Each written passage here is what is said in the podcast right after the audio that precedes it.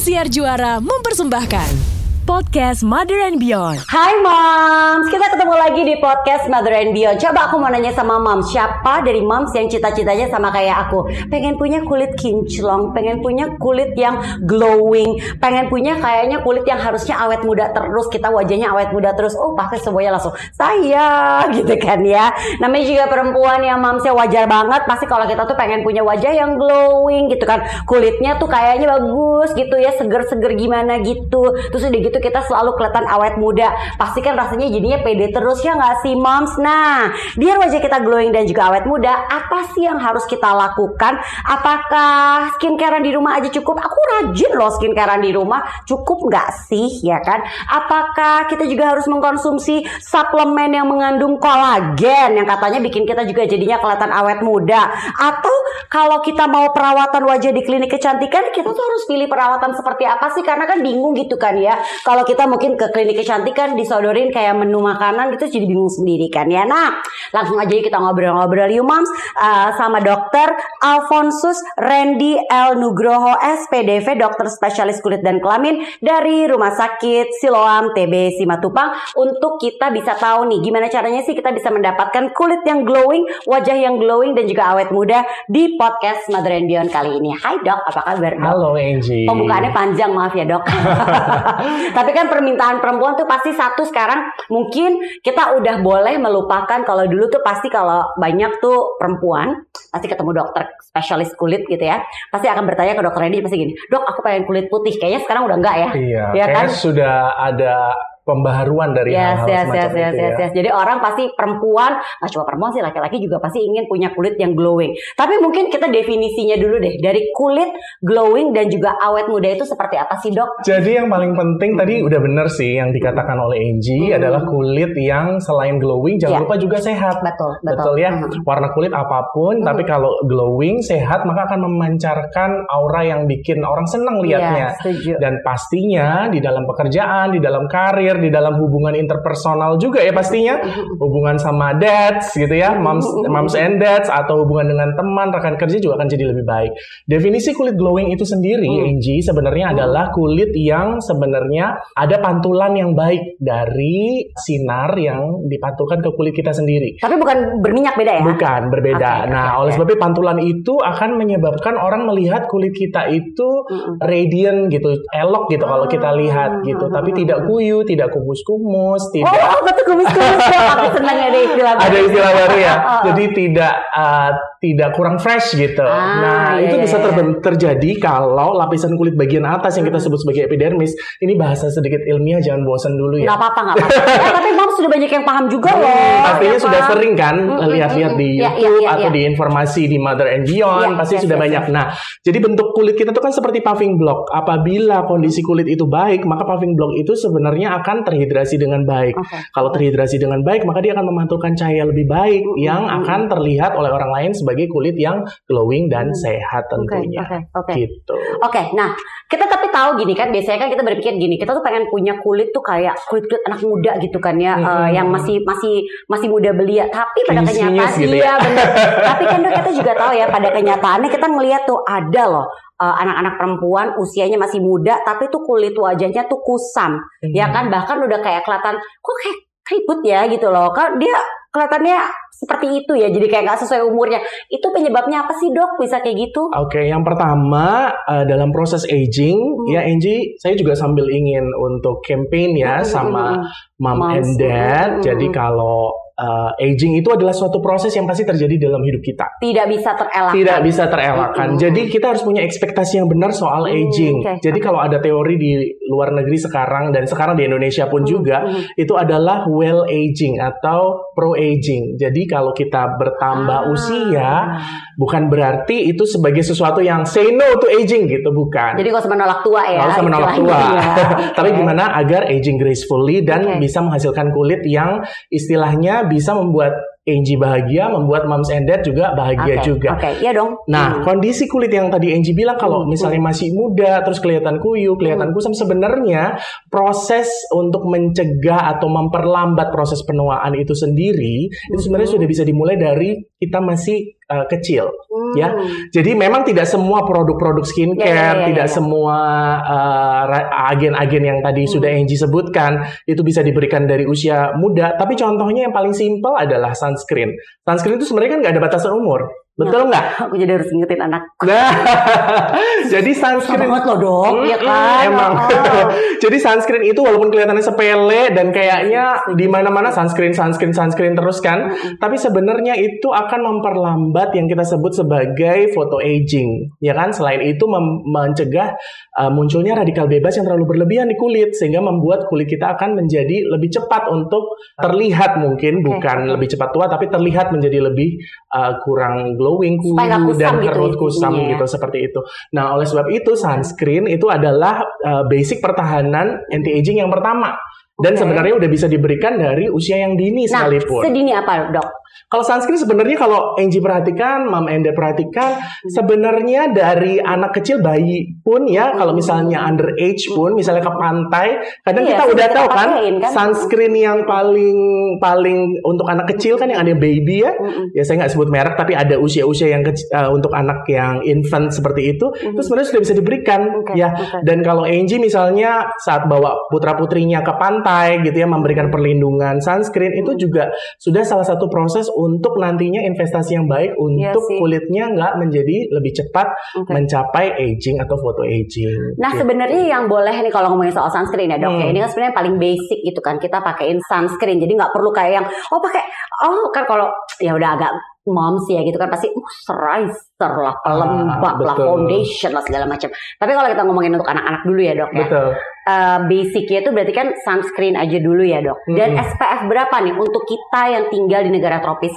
Nah. Seperti ya Indonesia ini. Betul. Nah, SPF yang paling minimal yang bisa diterima adalah SPF di atas 30 ya. Jadi yang paling penting adalah kalau mam mau pakai yang SPF 50 bahkan sekarang udah ada yang SPF 100 Mm-mm. ya. Itu kan sebenarnya adalah proses proteksinya berapa lama. Hmm. Jadi sebenarnya hitungannya agak rumit, cuman uh, dia disebut sebagai minimum erythematous dose.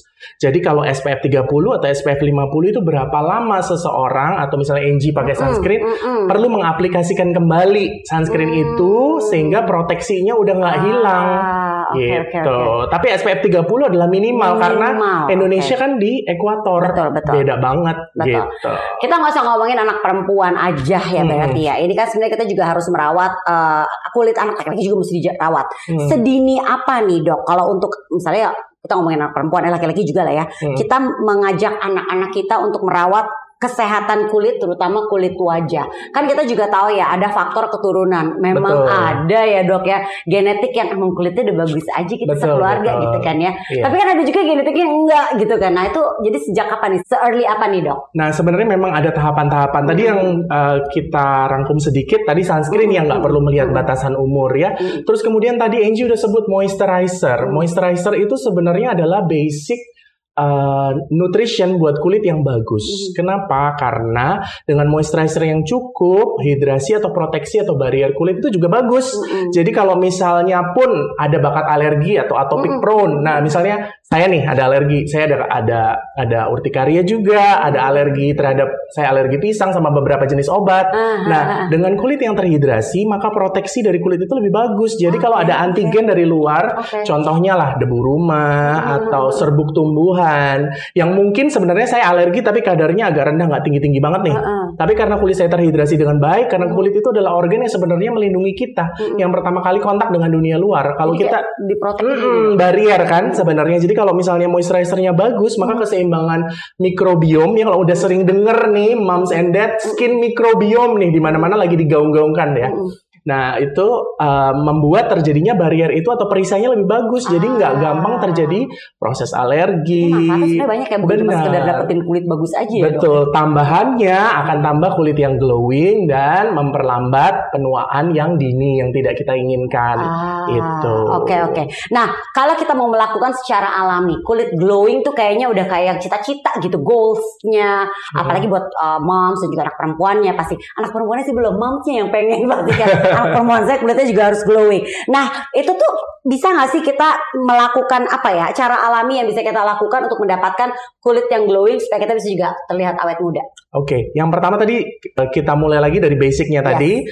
Eh, pertama adalah jelas cleansing, pembersihan Ah, kulit yang iya, oke, iya, iya, iya, yang iya, benar, benar, benar, benar, ya. benar. Cleansing minimal pagi Ah, dan ah, malam itu sudah paling minimal ya. Kalau ada 10 step Korean skincare, Iya, iya. ya boleh kalau ada waktu, silakan. ada duit, Benar, ada benar, dana, boleh, boleh, boleh aja sah-sah aja.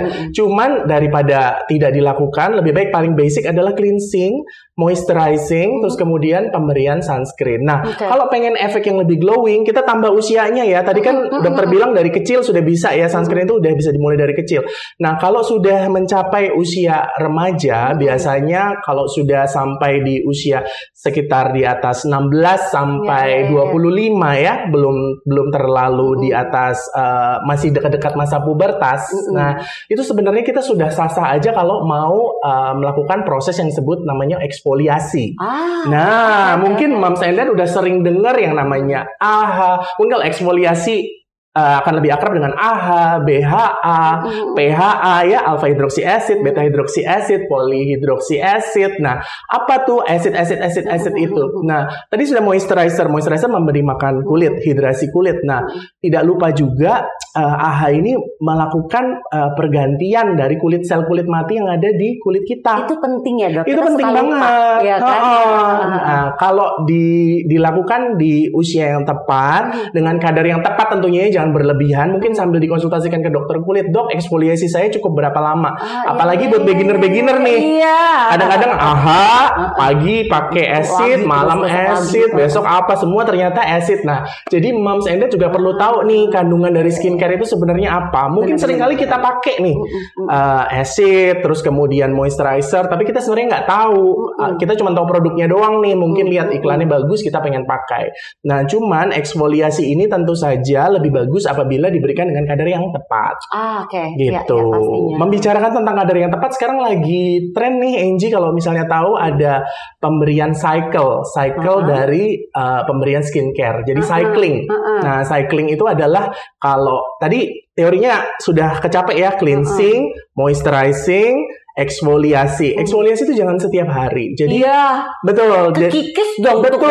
Ya, kalau kekikis ya. akhirnya malah eritem, terus Iya, iya, pertahanannya benar, terganggu. Kalau pertahanannya terganggu, terjadi malah alergi Ya, ya, atau bisa ada in- invasi patogen yang kulitnya acne prone malah jadi jerawatan Mm-mm, ya karena mm-mm. ada kolonisasi propionibacterium acnes. Waduh, Ya, istilah ya, ya, ilmiah ya. lagi. Iya, Nah, iya, iya. jadi kalau sekarang tuh ada namanya skin cycling. Jadi ada dokter namanya Whitney Bow di Amerika Serikat. Sekarang baru bulan-bulan ini kok. Mm, Dia menggaung-gaungkan yang namanya skin cycling. Apa itu dok? Nah, skin cycling itu jadi hari pertama Oke. itu kita bisa pakai proses yang namanya eksfoliasi. Oke. Nah, tadi kita udah bilang ya itu usianya uh, usia 16, sekitar 17 ya. Nah, 16, Atas. 17 sampai 20 tahunan. Nah, kemudian kita sudah bisa mulai pakai produk-produk anti aging, Aging. dari Oh, awal. oke. Nah, sebenarnya paling harus kita mau pakai di usia 30 tahunan. Ya. Seperti retinol. Ya, mungkin yang Ya, yang yang ya, akrab di moms and dads retinol. Retinol, ya. Sebenarnya retinol ini eh, dokter kulit kadang memberikan tapi Hmm. kita eh, sejenis turunan dari vitamin A ini. Hmm. Nah, cuman dia biasanya diberikan pada kulit yang acne prone. Nah, jadi bisa Oke. aja dokter kulit juga memberikan turunan vitamin A ini pada usia yang lebih awal. Oke. Nah, tapi kalau kita bicara tentang anti aging, retinol ini bisa melakukan turnover epidermis atau ganti ini kulitnya. Ah, ini kan penting juga. Penting. Nah, kalau masih muda, nah sorry I have to say masih muda, kulit teman-teman, kulit saya, kulit Angie ya, itu yang seperti tadi bilang kinyis-kinyis itu tadi, proses pergantian kulitnya itu masih cepat. Ah, Ya. ah, Nah, sehingga kulit akan terlihat lebih radiant. Nah, begitu bertambahnya aging, maka proses itu akan melambat. Iya, iya, ya, pasti lah. Betul. Iya. Nah, karena dia proses itu melambat, maka perlu kita Iya, bantu iya, dengan iya, retinol retinol. untuk menyamarkan misalnya fine lines Oh. untuk mempercepat turnover dari epidermis. Oke, nah, oke. selain retinol bisa dikombinasikan juga dengan agen-agen antioksidan. Nah, tadi kan tadi sudah disebut tuh ada minuman kolagen Iya, iya, iya. Aku lain-lain. mau nanya, itu, Nah. itu, itu ngaruh nggak sih buat kita tuh mencegah penuaan, Nah, dok? itu sebenarnya salah satu agen antioksidan itu juga Hmm. salah satu weapon ya kalau saya bilang Iya, ya, iya, weapon iya, untuk iya. me- me- memperlambat atau menangkal penuaan dini Hmm, ya. hmm, hmm. Karena selain tadi dokter bilang ada yang namanya photo aging atau penuaan karena sinar matahari, ada juga chronological aging. Jadi memang secara jam, kronolog, krono ya, Hmm, krono kan dalam bahasa Latin artinya jam. Secara usia kita memang udah melambat nih. Nah, gitu. Oleh sebab itu, pelambatnya ini kenapa sih kok bisa melambat? Iya, nah, karena ada pengaruh lingkungan. Nah, Iya, iya, radikal benar, bebas. benar, benar, benar. Apalagi tinggal di kota, Betul, polusi udara, betul. mungkin ada yang merokok di hidup, sebelah, ya atau malah kan? kita sendiri yang merokok. Ayo dikurangi ya, yang merokok kalau bisa nggak Minuman merokok. alkohol, ah, minuman kan alkohol kan. ya, sinar matahari yang tidak terproteksi dengan baik, radiasinya terutama ya. Nah, itu bisa menyebabkan timbulnya radikal bebas. Oke. Radikal bebas itu akan menyebabkan kerusakan di sel kita. Mm-mm. Ya, kerusakannya mikro banget, nggak akan kelihatan, Oke. tapi akan membuat efek penuaan itu akan Lebih lebih, cepat. cepat terlihat. Terus gimana dong penangkalnya? Iya, iya. Nah, penangkalnya tadi eh, dokter tarik sedikit ya radikal bebas ini juga bisa dimulai sebenarnya dari dini. Ya, Ah. konsumsi buah-buahan sebenarnya Yang ya. basic tuh sebenarnya. Itu kan, basic ya? banget ya. Iya, iya, yang iya, kita benar, makan benar. itu sebenarnya juga sudah eh, proses Oke. anti radikal bebas, Iya, iya, ya iya, kan? iya, iya, iya. Karena apa pun yang kita makan itu melawan radikal bebas yang Iya. sebenarnya pasti akan terbentuk dengan proses penuaan itu sendiri. Nah, tapi kalau moms pengen eh, pengen lebih spesifik untuk eh, menangkal radikal bebas, ya, Mm. tadi sebenarnya mungkin bahan-bahan itu sudah ada di skincare moms kalian. Iya, iya, iya, benar, Contohnya niacinamide dengan niacinamide. Niacinamide itu juga punya efek antioksidan yang cukup Ah, kuat. iya, iya, vitamin C, vitamin C Iya, yang iya, baik iya. yang kita konsumsi untuk vitamin ataupun yang kita oleskan di Iya. kulit, ya. Sekarang kan sudah banyak eh, serum atau ampul yang mengandung iya, vitamin iya, C. iya, iya, iya. Nah, itu juga proses menangkal radikal bebas. Oke, nanya dok. Hmm. Lebih baik berarti untuk kayak men- em, itu kan kita butuh tuh ya untuk antioksidan untuk menangkal radikal bebas. Mendingan Hmm. yang dari dalam yang kita konsumsi apa dari luar atau dua-duanya?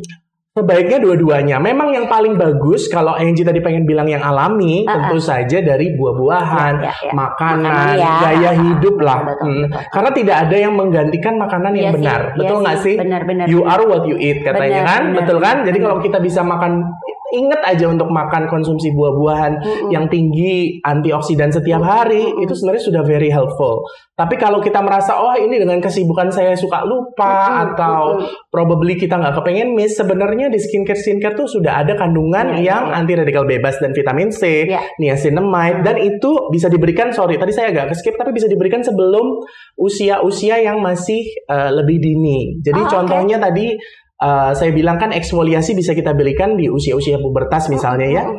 Anti radikal bebas ini pun bisa kita berikan. Jadi Oke. contohnya orang yang berjerawat apabila jerawatnya sudah bagus, sudah menjadi ringan dari dokter biasanya akne vulgaris derajat berat jadi derajat sedang sudah derajat ringan. Biasanya sa- eh, sering kali dokter untuk melepas eh, krim ini supaya Mm-mm. tidak terus pakai krim itu ya. Mm-mm. Kadang-kadang kita kasih retinoic acid, tapi kita tidak ingin kasih retinoic acid terus. Kadang-kadang kita lepas dengan pemberian uh, radikal bebas, anti radikal Ah, bebas seperti vitamin C, iya, iya, iya, niacinamide. Nah, oleh sebab itu agen-agen ini kalau kita lihat biasanya udah ada nih di pasaran, Hmm, ya kan? hmm, iya. Biasanya Mam Enda udah udah akrab banget lah, Hmm. yang niacinamide, yang vitamin C, ya, iya.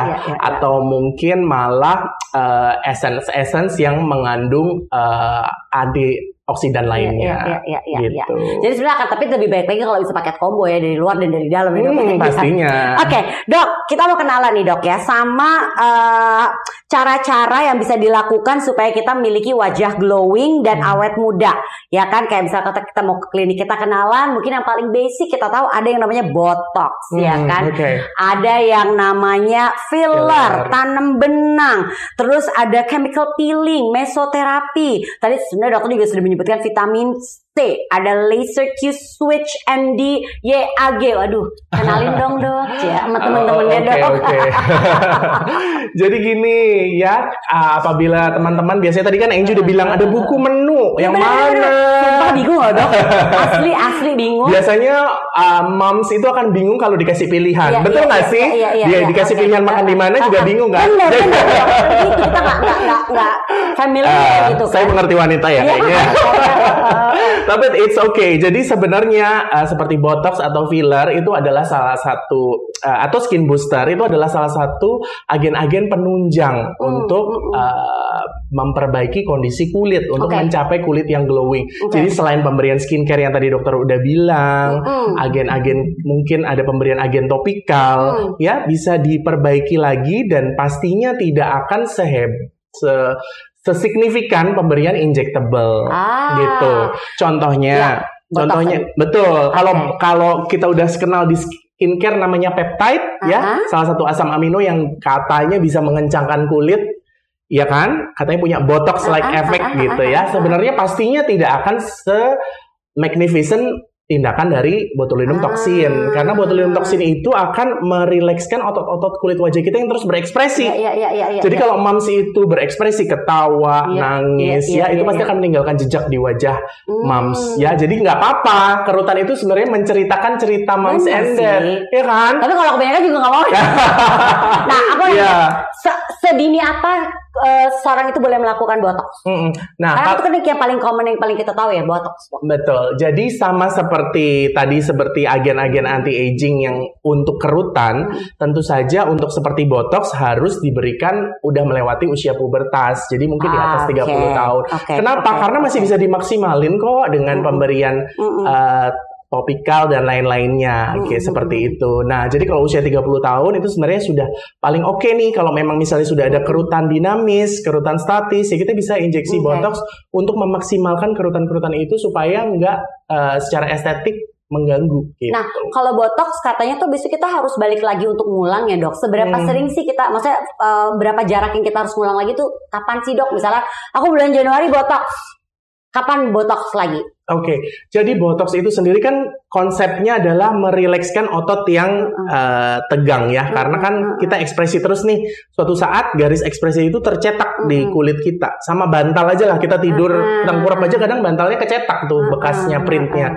Nah, injeksi dari botox ini merilekskan otot yang tegang itu tadi sehingga Mm-mm. kerutannya akan tersamarkan sampai bisa juga hilang. Hmm. Nah, kerutan yang kita maksud adalah crossfit mungkin di mata, Mm-mm. mungkin kerutan glabella kalau Mm, banyak mm, berpikir, kalau Ah, konsentrasi ah, ah, terus ya, kerutan di dahi juga, atau bisa juga botox kita gunakan untuk mengecilkan eh, rahang. Iya, iya, iya, benar-benar. Nah, jadi kalau kadang-kadang kita ngunyahnya nih, ngunyahnya nggak seimbang, ya kadang gigi kita ada Iya, masalah, akhirnya di sini lebih besar atau hypertrophy itu bisa juga menjadi salah satu pilihan. Oke. supaya eh, kita tidak mengejar simetris ya karena kesempurnaan itu kita tidak kejar.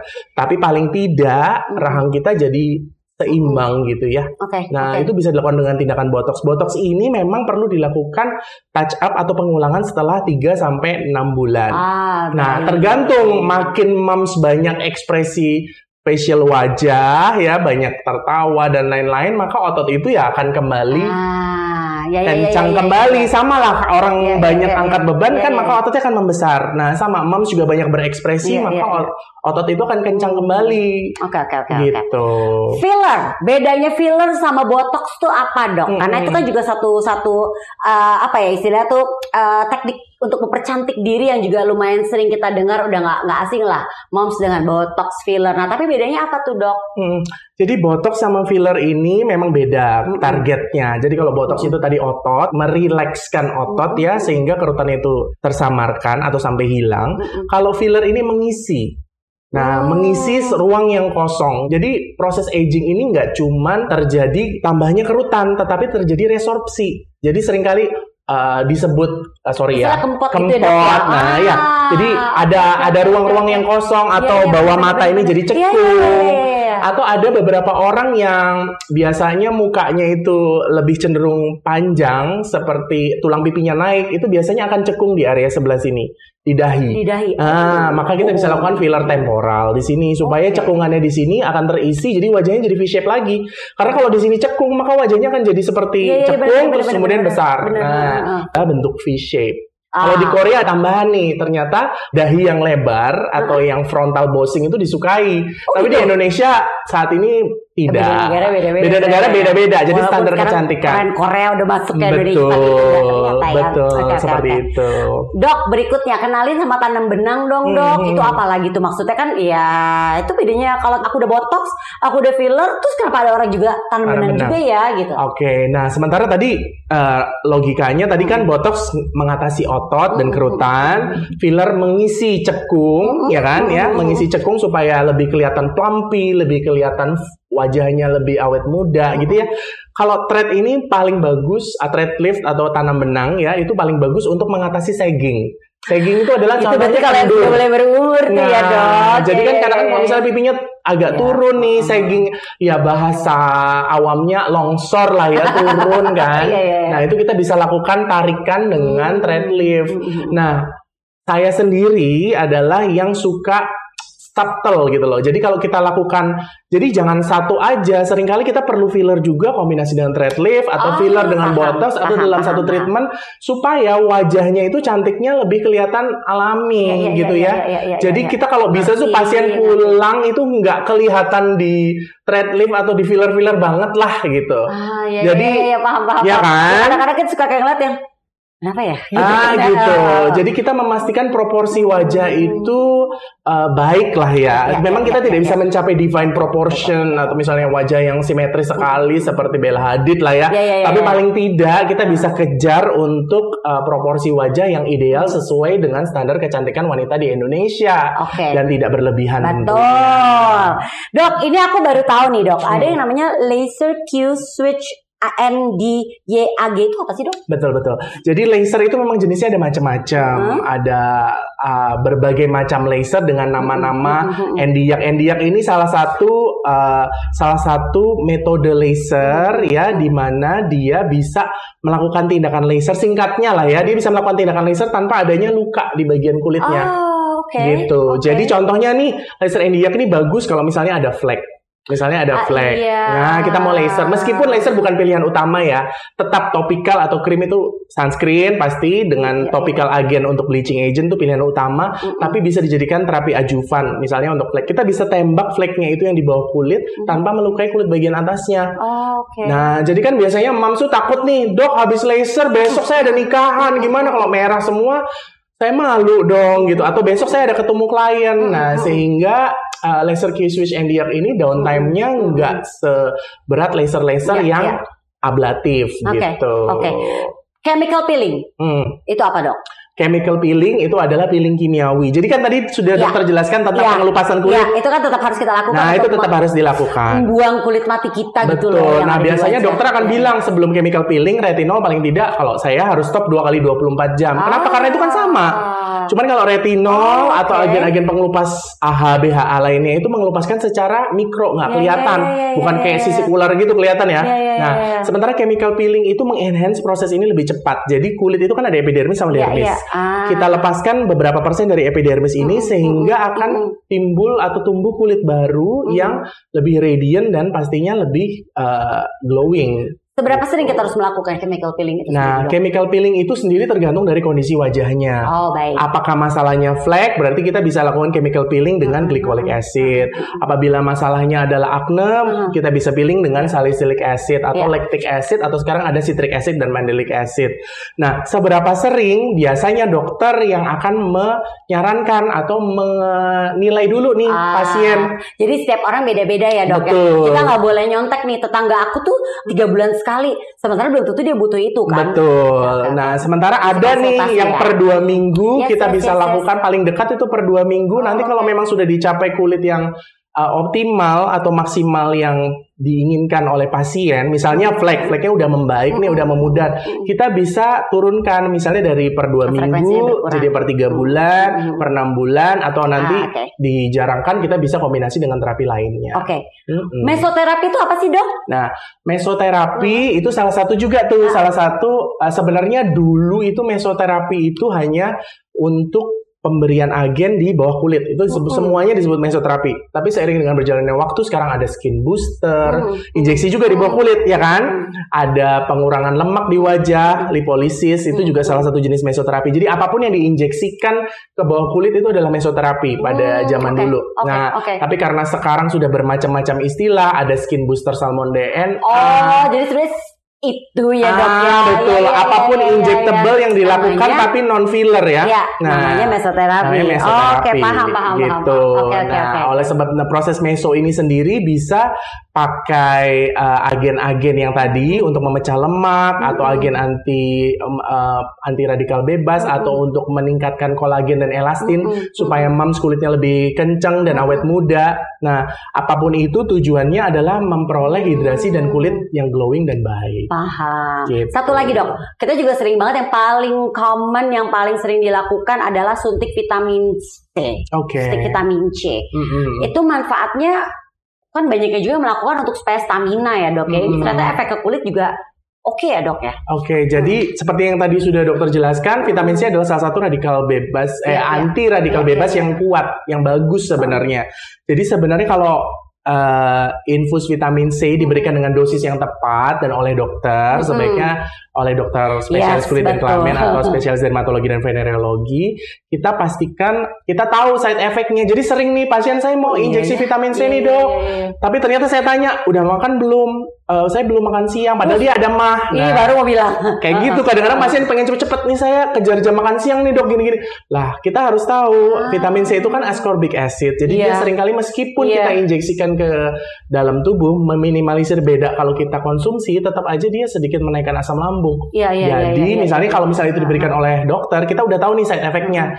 Nah, atau dokter akan menyarankan minum paling tidak 8 gelas per hari karena Oh, gitu. efek sampingnya dari pemberian vitamin C dosis tinggi itu uh, walaupun tidak pada semua orang bisa terbentuk terjadinya kristal oksalat. Kristal oksalat itu pengendapan kristal dari ascorbic acid Ah. Iya, iya, atau iya, vitamin C itu di ginjal. Hmm. Nah, makanya dokter biasanya kan bilang jangan lupa minum 8 gelas per hari. Jadi take Oke. home message-nya harus diingat juga. Bener, bener. Seberapa Hmm. sering kita boleh melakukan suntik vitamin C?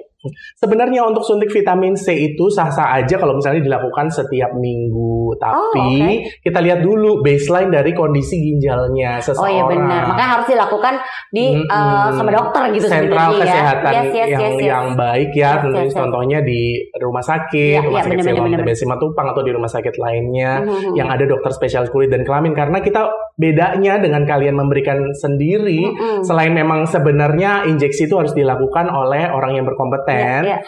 uh, side effect yang bisa muncul itu pasti akan bisa dikontrol oleh dokter. Ah, Sementara betul. kalau teman-teman sendiri kasih kasih Iya, sendiri coba-coba, Mm-mm, nah problemnya nanti muncul tidak tahu cara mengatasinya gitu. Oke, nah buat yang mungkin ada moms yang gini, oke untuk anaknya dulu nih, atau Hmm. mungkin moms yang usia masih relatif muda, ingin melakukan skincare dulu deh, aku mau rutin-rutin di rumah dulu gitu kan ya, rajin skincarean sendiri. Apa nih yang perlu diperhatikan eh, dan nggak boleh miss, nggak boleh nggak boleh tawar menawar ini harus. Tadi kan dokter udah bilang moisturizer, Mm-mm. eh, sunscreen, Hmm. siapa lagi dok? Eh, Sunscreen, ah, ah. moisturizer, eksfoliasi. Eh jangan lupa dulu dimulai dari cuci muka.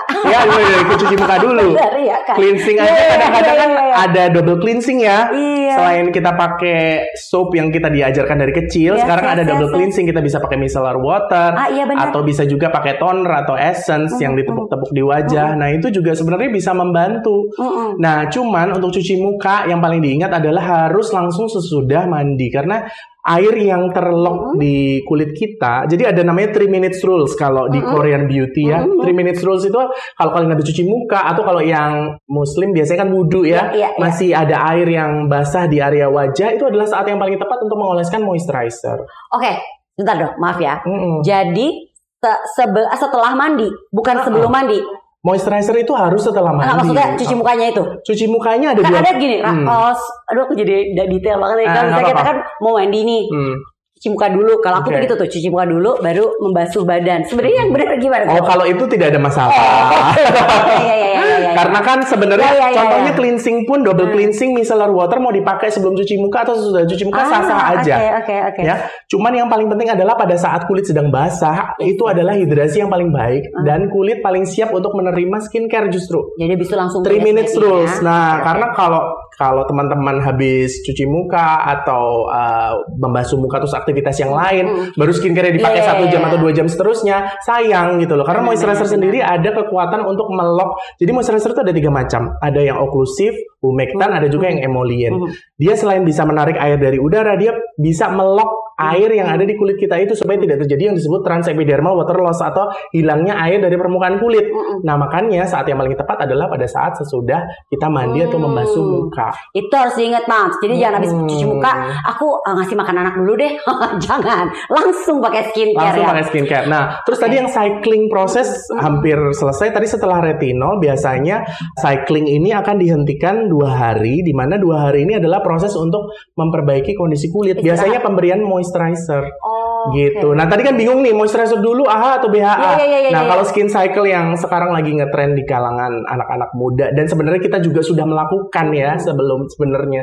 Cuman dokter uh, Whitney Bow ini baru memberikan definisi ini supaya yang baru-baru kenal skincare tahu nih cara Iya, pemakaiannya iya, ya. iya. Jadi cuci muka, terus habis itu eksfoliasi. Nanti kalau sudah di hari kedua hari kedua bisa pakai retinol dan hari ketiga hari keempatnya itu adalah saat untuk memperbaiki kondisi kulit yaitu pemberian moisturizer. Ah. Gitu. Nah nanti cycle ini akan diulang lagi, eksfoliasi Oke. kembali, retinol, terus pemberian moisturizer. Iya. Nah itu tentu saja harus dilihat sesuai kondisi kulitnya Ya, ya. juga sih. Nah jadi proses itu sebenarnya skin cycling juga ingin memperkenalkan kondisi kulit moms sekalian. Jadi kalau memang dirasa nih kalau misalnya pemberian retinol satu kali seminggu terlalu berat, kita bisa jarangkan per dua Ah, minggu. iya, iya, iya, Karena iya. setiap kulit kita itu kan benar, made benar, ya, nggak sama satu Berarti orang sama orang lain. sebaiknya dok ya. Mm-mm, sebagai Ah. konsultasi dan jangan memakai semuanya secara all at once lah. Iya, ya. Oh ini bagus ini bagus.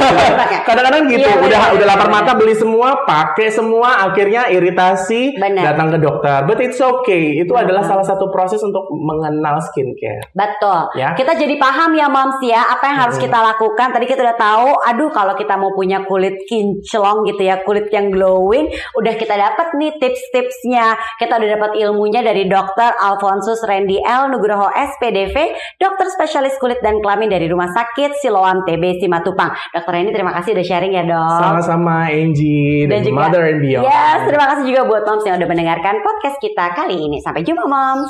Thank you for listening to podcast Mother and Beyond. Untuk info menarik lainnya, klik motherandbeyond.id serta follow Instagram, Twitter, dan TikTok at motherandbeyond.id, Facebook, dan subscribe YouTube channel Mother and Beyond. Mother and Beyond, your guide to motherhood and beyond.